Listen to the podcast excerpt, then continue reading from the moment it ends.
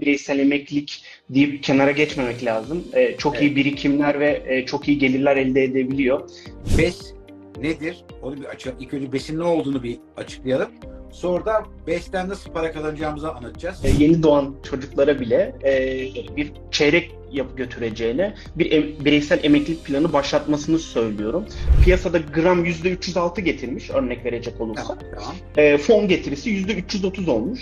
Siz döviz artmadan önce daha öncesinden bilgi sahibi olduğunuz için veya bunu doğru yönlendir, yönlendirildiğiniz için e, fonunuzda bunu tutu- tutuyorsunuz ve e, döviz artmaya başladığında, dolar artmaya, euro artmaya başladığında buradan e, getiriyi hemen cebinize koyuyorsunuz diyebilirim. Seni çok kısa bir tanıyalım. Ee, sonra da sorulara geçelim. Tabii e, ben Ageza Hayat ve Emeklilik'te e, yaklaşık 4 yıldır e, çalışıyordum. Daha sonrasında e, kendi emeklilik acentemi kurarak e, bireysel emeklilik ve hayat sigortalarında e, finansal danışmanlık hizmeti sağlıyorum. Evet. E, burada tabii bireysel emeklilik biliyorsunuz ülkemizde e, son dönemlerde özellikle pandemiyle birlikte e, değeri e, günden güne artarak e, bir önem arz ediyor. E, o yüzden burada bireysel emeklilik deyip kenara geçmemek lazım. E, çok iyi Evet. birikimler ve e, çok iyi gelirler elde edebiliyor. E, siz de e, bunlardan aslında deneyimleyen e, katılımcılardan bir tanesiniz. Doğru. E, o yüzden ben de e, kendi şirketim üzerinden böyle sadece bireysel emeklilik ve hayat sigortaları üzerinden e, Evet. çalışma yapabilmek adına e, böyle bir e, yol ayrımına girerek e, katılımcılara destek sağlıyorum Evet. diyebilirim. Evet, bu BES, BES'i burada bilmiyorum herkes bazı bilenler mi geliyor bilmeyenler ama sen kısaca bir BES nedir? Onu bir açalım. İlk önce BES'in ne olduğunu bir açıklayalım. Sonra da BES'ten nasıl para kazanacağımızı anlatacağız. Ee, ama şu anda BES'i bir açıklarsan yani BES, BES nedir? İşte BES'e kaç yaşında girilebilir? Ee, bilmiş olduğumuz e, emeklilik e, e, SGK'dan ne farkı var ondan sonra e, amacı Hı hı. nedir? Yani böyle bir ufak bir özet yaparsan E, tabii aslında e, kendi geleceğinize yatırım yapma fırsatını ifade eder. Yani bu sistem ile e, gelecekteki emeklilik döneminize bir ek gelir e, sağlama fırsatı sunarken Evet. e, yaşlılık döneminizde de aslında rahat ve güvende geçirmenizi sağlar. Evet. E, tabii dünya genelinde bireysel emeklilik çok e, birçok ülkede benimsenmiş olan bir durum. E, tabii bizim ülkemizde de e, devletin sağlamış olduğu %30 ek katkı e, aslında burayı tamamıyla destekliyor. E, tabii kendi içerisinde de birçok farklı dinamiği var. Hani ben e, bütün görüşmelerimde danışanlarım da e, dahil olmak üzere hep şunu söylüyorum. Bireysel emeklilik yaptım da e, kenarda dursun değil. E, burada çeşitli e, yatırım fonları, emeklilik fonlarında daha doğrusu e, getiri kazanabiliyorsunuz yatırdığınız tutarlar üzerinden. O yüzden burada e, sadece BES yapmak değil, BES'i iyi yönetmek de, fonlarını iyi yönetmek de çok değerli. E, o yüzden e, bireysel emekliliği ben özellikle ülkemizde tasarruf alışkanlığı olmadığı için çok önemli olduğunu düşünüyorum.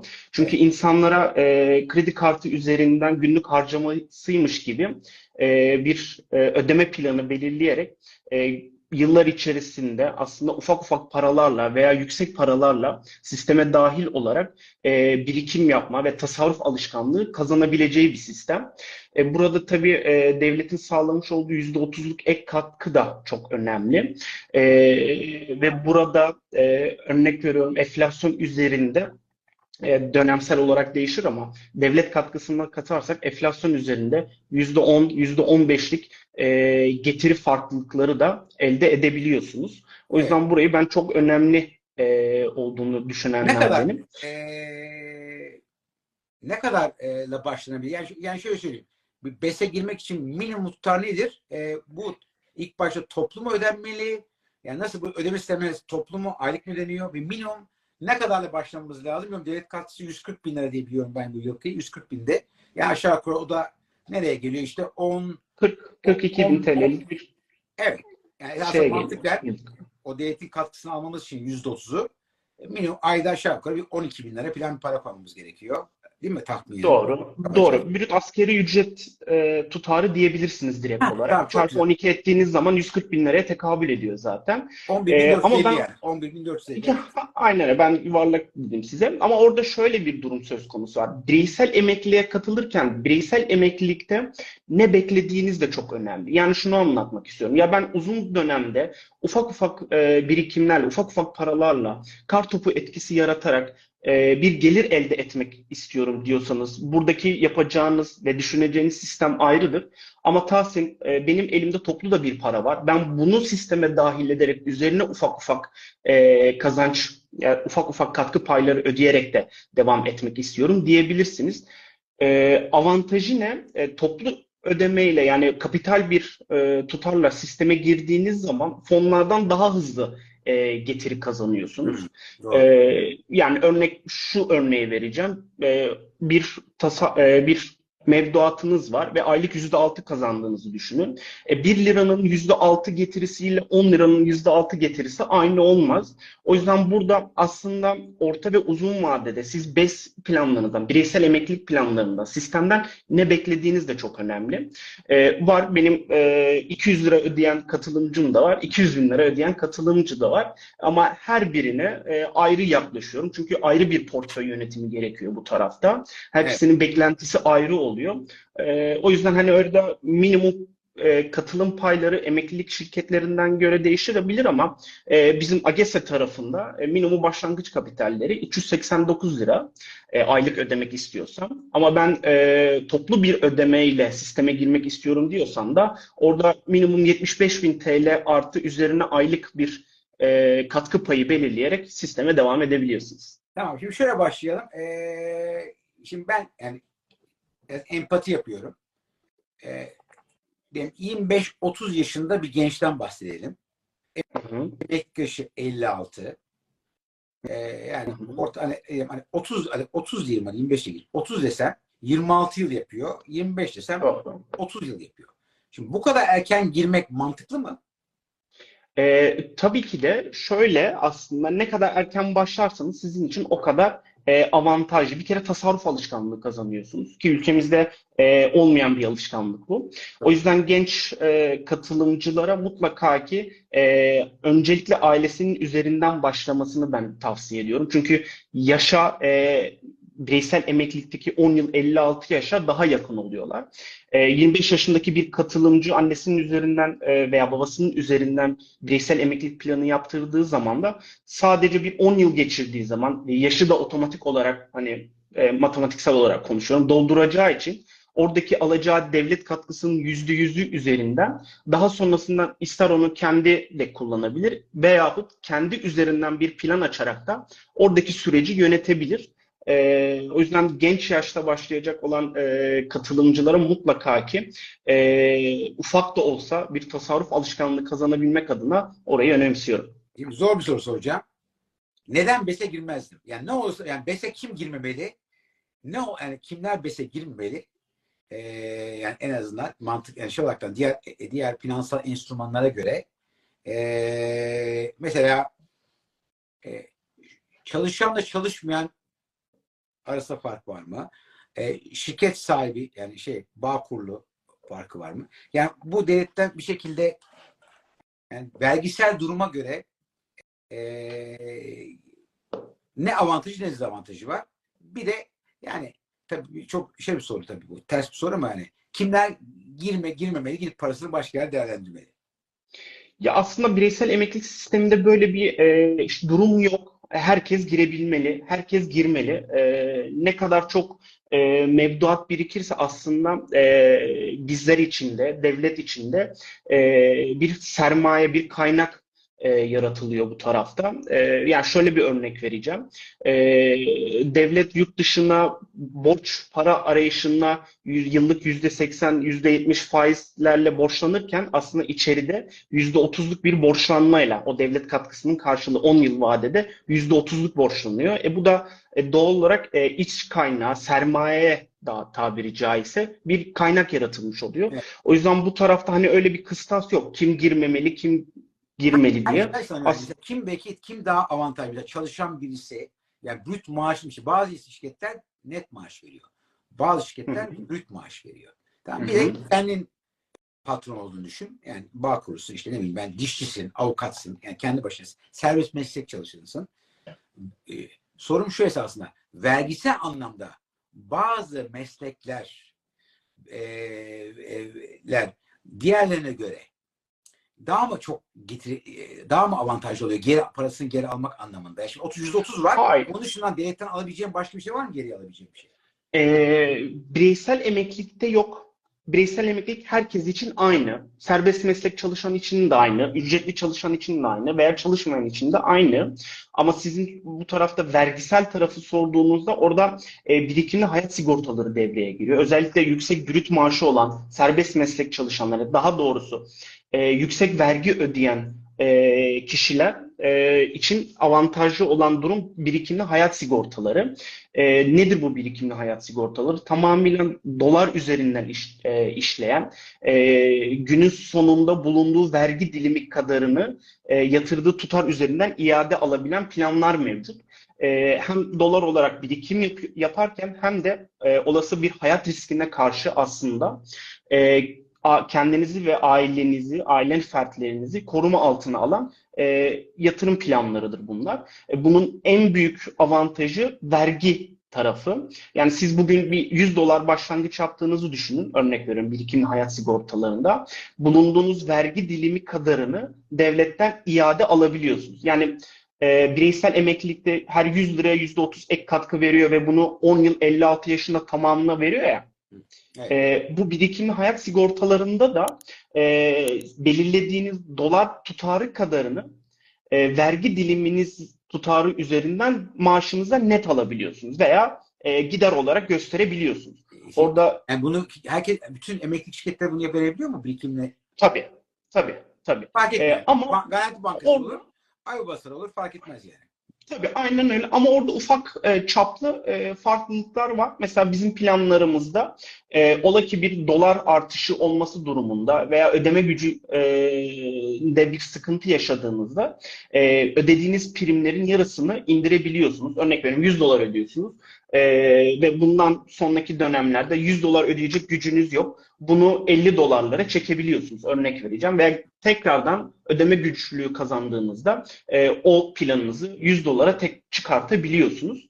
E, ama dediğim gibi bu tabii ki de şirketten şirkete değişiyor ama bütün emeklilik şirketlerinde e, mutlaka ki birikimli hayat sigortaları mevcuttur. Evet. Şimdi bir soru geldi. 10 yaşında birisi için e, dedi. Şimdi biliyorum ki bu e, herkes 56 yaşına kadar kalmak zorunda değil bildiğim kadarıyla. O zaman Doğru. şöyle bir soru sorsam. e, Mesela benim 5 yeni doğan torunum var. Doğduğu gün biz bes yaptık yani. Ve daha Ha, oraya, e, oraya herkese işte oraya doğum gününde falan neyse herkes oraya para yatırıyor. E, şimdi o, o bizimki farklı bir şey tabii. Ama şunu sormak istiyorum ben. Yani bugün e, 10 yaşında 15 yaşında neyse daha erken yaşlar girmiş birisi e, sonuna kadar 56 yaşına beklemeden e, minimum kaç yıl kalmalı? E, ve bu e, 56 yaşına kadar bekleyen kişiyle 10 yaşına girip 5 sene, 10 sene yani daha fazla sene çıkan kişi mesela evlendi, çıkmak istedi, 25 yaşına geldi, çıkmak istedi. Ne, ne, ne kaybediyor? Orada kaybedilen şey ne? Kaybedilen şey ne oluyor? Erken. Ş- Orada şöyle şöyle açıklayayım. E, 18 yaş altı bireysel emeklilik planı bugün her e, yerde yapabiliyorsunuz. E, ve ki ben mutlaka ki e, yeni doğan çocuklara bile e, bir çeyrek yap götüreceğine bir bireysel emeklilik planı başlatmasını söylüyorum. Çünkü onlar adına aslında e, ufak ufak bir e, tasarruf e, yapmış oluyorsunuz. Ki bugün e, Türkiye'de özel okul e, fiyatları veya okul öncesi fiyatları çok yüksek. Onları en azından e, bir şekilde e, bireysel emeklilikte birikim yaparak, devlet katkısı kazanarak tolere edebiliyorsunuz. O yüzden orada e, hani şu yaş diliminde girmesi gibi bir durum söz konusu değil. Ben e, çocuk doğar doğmaz e, mutlaka ki başlatılmalı diye e, tavsiyesinde bulunuyorum. Orada şöyle bir durum söz konusu var. Örnek veriyorum bireysel emeklilik planlarında siz e, mutlaka mutlak suretle 10 yıl 56 yaşı beklemek durum, zorunda değilsiniz. Bir ani ihtiyacınız oldu. Sistemden istediğiniz zaman ayrılabilirsiniz. Bundan yana bir sorun yok. Ee, oradan çıktığınız yılın devlet e, katkısının hak ediş yılları vardır. Örnek veriyorum. E, 6. yılda çıkmak istediğiniz %35'ini devlet katkısını alır. E, birikimlerinizi ayrıca alır. E, gel, elde etmiş olduğunuz gelirinizden de stopaj ödeyerek sistemden ayrılabilirsiniz. Tamam, okey. O zaman bir- biraz hızlı gittin. Ben bildiğim için tekrar soracağım. Şimdi bir stopaj var. Erken çıkan. Doğru. Bir de Doğru. bir de, de devletin vermiş olduğu yüzde otuza kadar katkının e, kesintisi var. İkisi bence ayrı ayrı açıklayalım çünkü ka- karışıyor. Stopaj başka şey, devlet katkısı başka şey. Okey. Stopaj Şöyle anlaşıldı. açık şöyle açıklayayım. Ee, bireysel emeklilik sistemlerinde e, stopajı yani gelir vergisini hemen ödemezsiniz. Sistemden ayrılırken ödersiniz. Tamam. Orada da e, üç tane konu başlığı vardır. Bir, 10 yıldan önce çıkmak isterseniz e, %15 stopaj eder. 10 yıldan sonra çıkmak istediğinizde %10. E, 10 yıl ve 56 yaşı doldurdunuz. %5 stopaj ödeyerek sistemden gelir vergisi ödeyerek ayrılabilirsiniz. Ama ama getirinizde ana paradan değil. Getirinizden. Hayır. Ana paranıza kesinlikle herhangi bir şey olmaz. Gelirinizden bu e, stopajları ödersiniz. E, devlet katkısı tarafında da hak ediş kazanabilmeniz adına minimum 3 yıl beklemeniz gerekiyor. Yani diyor ki ben sana her ay yatırdığın tutar kadarının %30 devlet katkısını veririm ama bunu da minimum hak edebilmen için 3 yıl sistemde kalman gerekir. 3 yıl. 3 yıl. Ha. Aynen öyle. 3 yıl sistemde kalman gerekir der.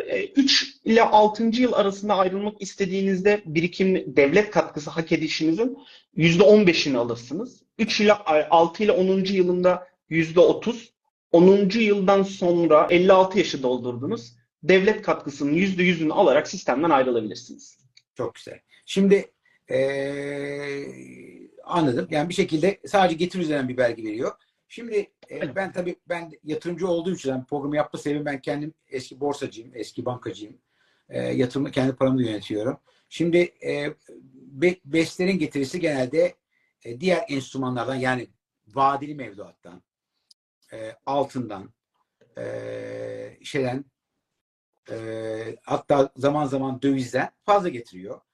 Bu fonların e, yüksek getiri getirmesinin bildiğimiz standart fonlara göre neden daha fazla getiriyor? Bunların getirmesinin bir özel sebebi var mı? Nasıl bu fonlar diğer fonlara göre daha çok get- getirisi oluyor? Arkasında yatan Yani- yapıyor?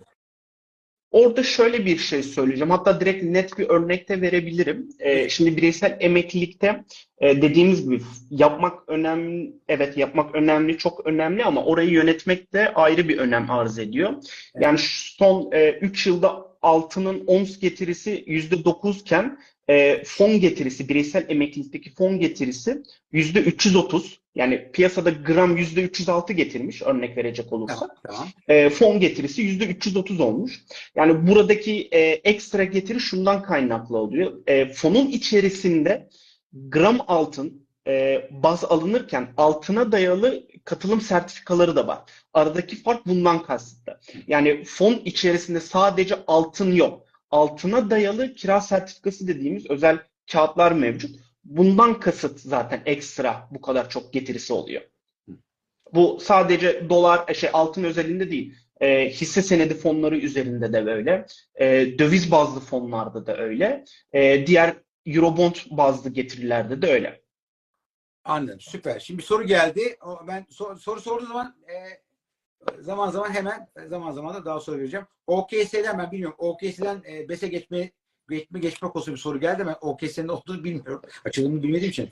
Nedir o? E, şöyle otomatik katılım sistemi e, Taner Bey, otomatik katılım sistemi e, devletin şirketlere zorunlu tutmuş olduğu bir e, zorunlu bireysel emeklilik Ha, ha, ha. O devam ediyor Ha. mu? Devam ediyor mu? Tabii ki de o devam ediyor. Hatta önümüzdeki dönemlerde onu daha da geliştirecekler. Hem fon tarafında e, hem de tamamlayıcı emeklilik sistemi adı altında biraz daha gelişecek o taraf. E, çok daha yeni e, bir mevzuat orası. E, orada şöyle bir durum söz konusu var. E, devlet şirketlere bu planı zorunlu olarak kılarken şunu söylüyor. Diyor ki e, Türk Lirası Koruma Kanunu'na göre burada sadece TL bazlı birikim yapabilirsin diyor.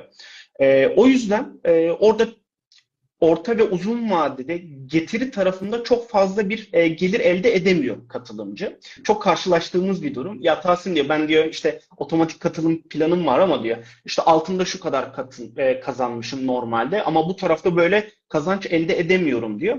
Oradaki fark ondan kasıtlı. E, ben şöyle yapıyorum. Şimdi otomatik bir kişinin bir e, Türkiye Cumhuriyeti vatandaşının hem otomatik katılımı varsa hem de özelde gönüllü bir bireysel emekliliği varsa her birinden ayrı ayrı devlet katkısı alabiliyor. Burası çok önemli. Ee, ama mutlaka ki mutlaka ki zorunlu bireysel emekliliğin haricinde de bir tane de gönüllü bireysel emeklilik planı açması gerekir ki fon yönetimi kısmını orada yapabilsin. Çünkü e, otomatik katılım planlarında faizli ve faizsiz fonlar mevcut. Burada sadece TL'ye dayalı e, birikim yapabiliyorsunuz. Yani herhangi bir altın, borsa, işte dövize e, bağlı bir e, yatırım enstrümanına yatırım yapamıyorsunuz. O da dediğim gibi Otomatik katılım lirasını olan koruma. otomatik katılım da yapamıyorsun. Doğru mu anlıyorum? Evet, aynen öyle, aynen öyle. Onlar da Onu, yapamıyor. niye onu sınırlandırıyor? Yani devlet niye onu e, e, teşvik edeceğini bu şekilde köstekliyor bir şekilde? Ya orada şöyle, tabii oradaki e, geri plandaki mantıkı tam olarak bilemem ama şunu net olarak söyleyebilirim. E, TL ile yatırım yapıldığı için Türk Lirası Koruma Kanunu diye kanunumuzda bir e, madde var. Diyor ki ben sadece bunu zorunlu olarak tutuyorsam sadece TL olarak değerlendirmesine izin veririm diyor. Evet. Tamam. Ondan kasıt yani. Şimdi, e, şimdi geleceğim bu şeye. E, en sonda yapılan hatalar falan yönetiminde. Şimdi herkes benim gibi borsacı değil. E, robotlar var orada. Profiller var. Profil dolduruyorsun. Risk, riskini ölçüyor. Ona göre sana önerilerde bulunuyor. Doğru. Ben o, o önerileri kendim beğenmiyorum. Yani zaman zaman ben meraktan yapıyorum. Ama ben daha iyi yönetiyorum. Yani o, o- oradaki e, mantık nedir yani orada hani hiç bilmeyen için oraya güvenip risk analizini yapıp oradan alacağı e, önerilerle portföyünü yönetmesini tavsiye ediyor musun, etmiyor musun?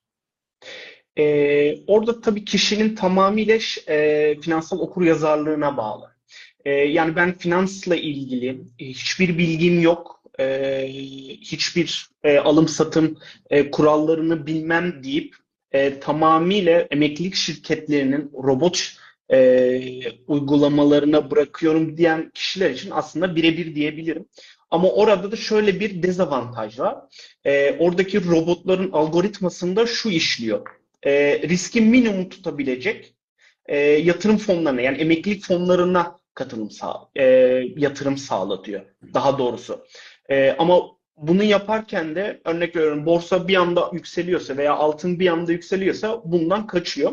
O yüzden mümkün mertebe ben bütün katılımcıların mutlaka ki bir e, finansal danışmanıyla çalışması gerektiğini söylüyorum ki e, bizler burada aslında e, her ay düzenli olarak Ak Portföy'den e, bir piyasa bilgisi ediniyoruz. Buna göre de buna göre de e, bireysel emeklilik katılımcılarına diyoruz ki ya bakın işte Taner Bey e, orta vadede e, dolar bazlı bir artış bekliyoruz. Dolarda bir artış bekliyoruz. E, fonlarınızı da ağırlıklı olarak e, dolar fonlarında, döviz fonlarında tutabilirsiniz diyoruz. Aslında bu ne olmuş oluyor? Siz döviz artmadan önce daha öncesinden bilgi sahibi olduğunuz için veya bunu doğru yönlendir, yönlendirildiğiniz için e, fonunuzda bunu tutu- tutuyorsunuz ve e, döviz artmaya başladığında, dolar artmaya, euro artmaya başladığında buradan e, getiriyi hemen cebinize koyuyorsunuz diyebilirim. Bitcoin var mı? Bitcoin düşün- düşünülüyor mu 2024'te? Bitcoin'de girecek mi yatırım enstrümanları arasına? Yani şöyle, e, AGES'e emeklilikte bu yok E, ama bazı emeklilik şirketlerin, şirketlerin Metaverse e, adı altında fonları var. E, ben oraya biraz böyle e, mesafeli yaklaşıyorum e, Bitcoin piyasası, yani daha doğrusu coin piyasasına. E, ama şu an itibariyle oranın da bir e, altyapısı aslında bununla ilgili çok talep var. Ama altyapı tamamıyla hazır olmadığı için hiçbir emeklilik şirketi %100 olarak buna e, geçmiş Yani geçmiş değil. Metaverse, Metaverse dedikleri Bitcoin mu? Yani coin piyasası adı altında diyelim değerli yatırım enstrümanı, değerli maden enstrümanları diyebilirim.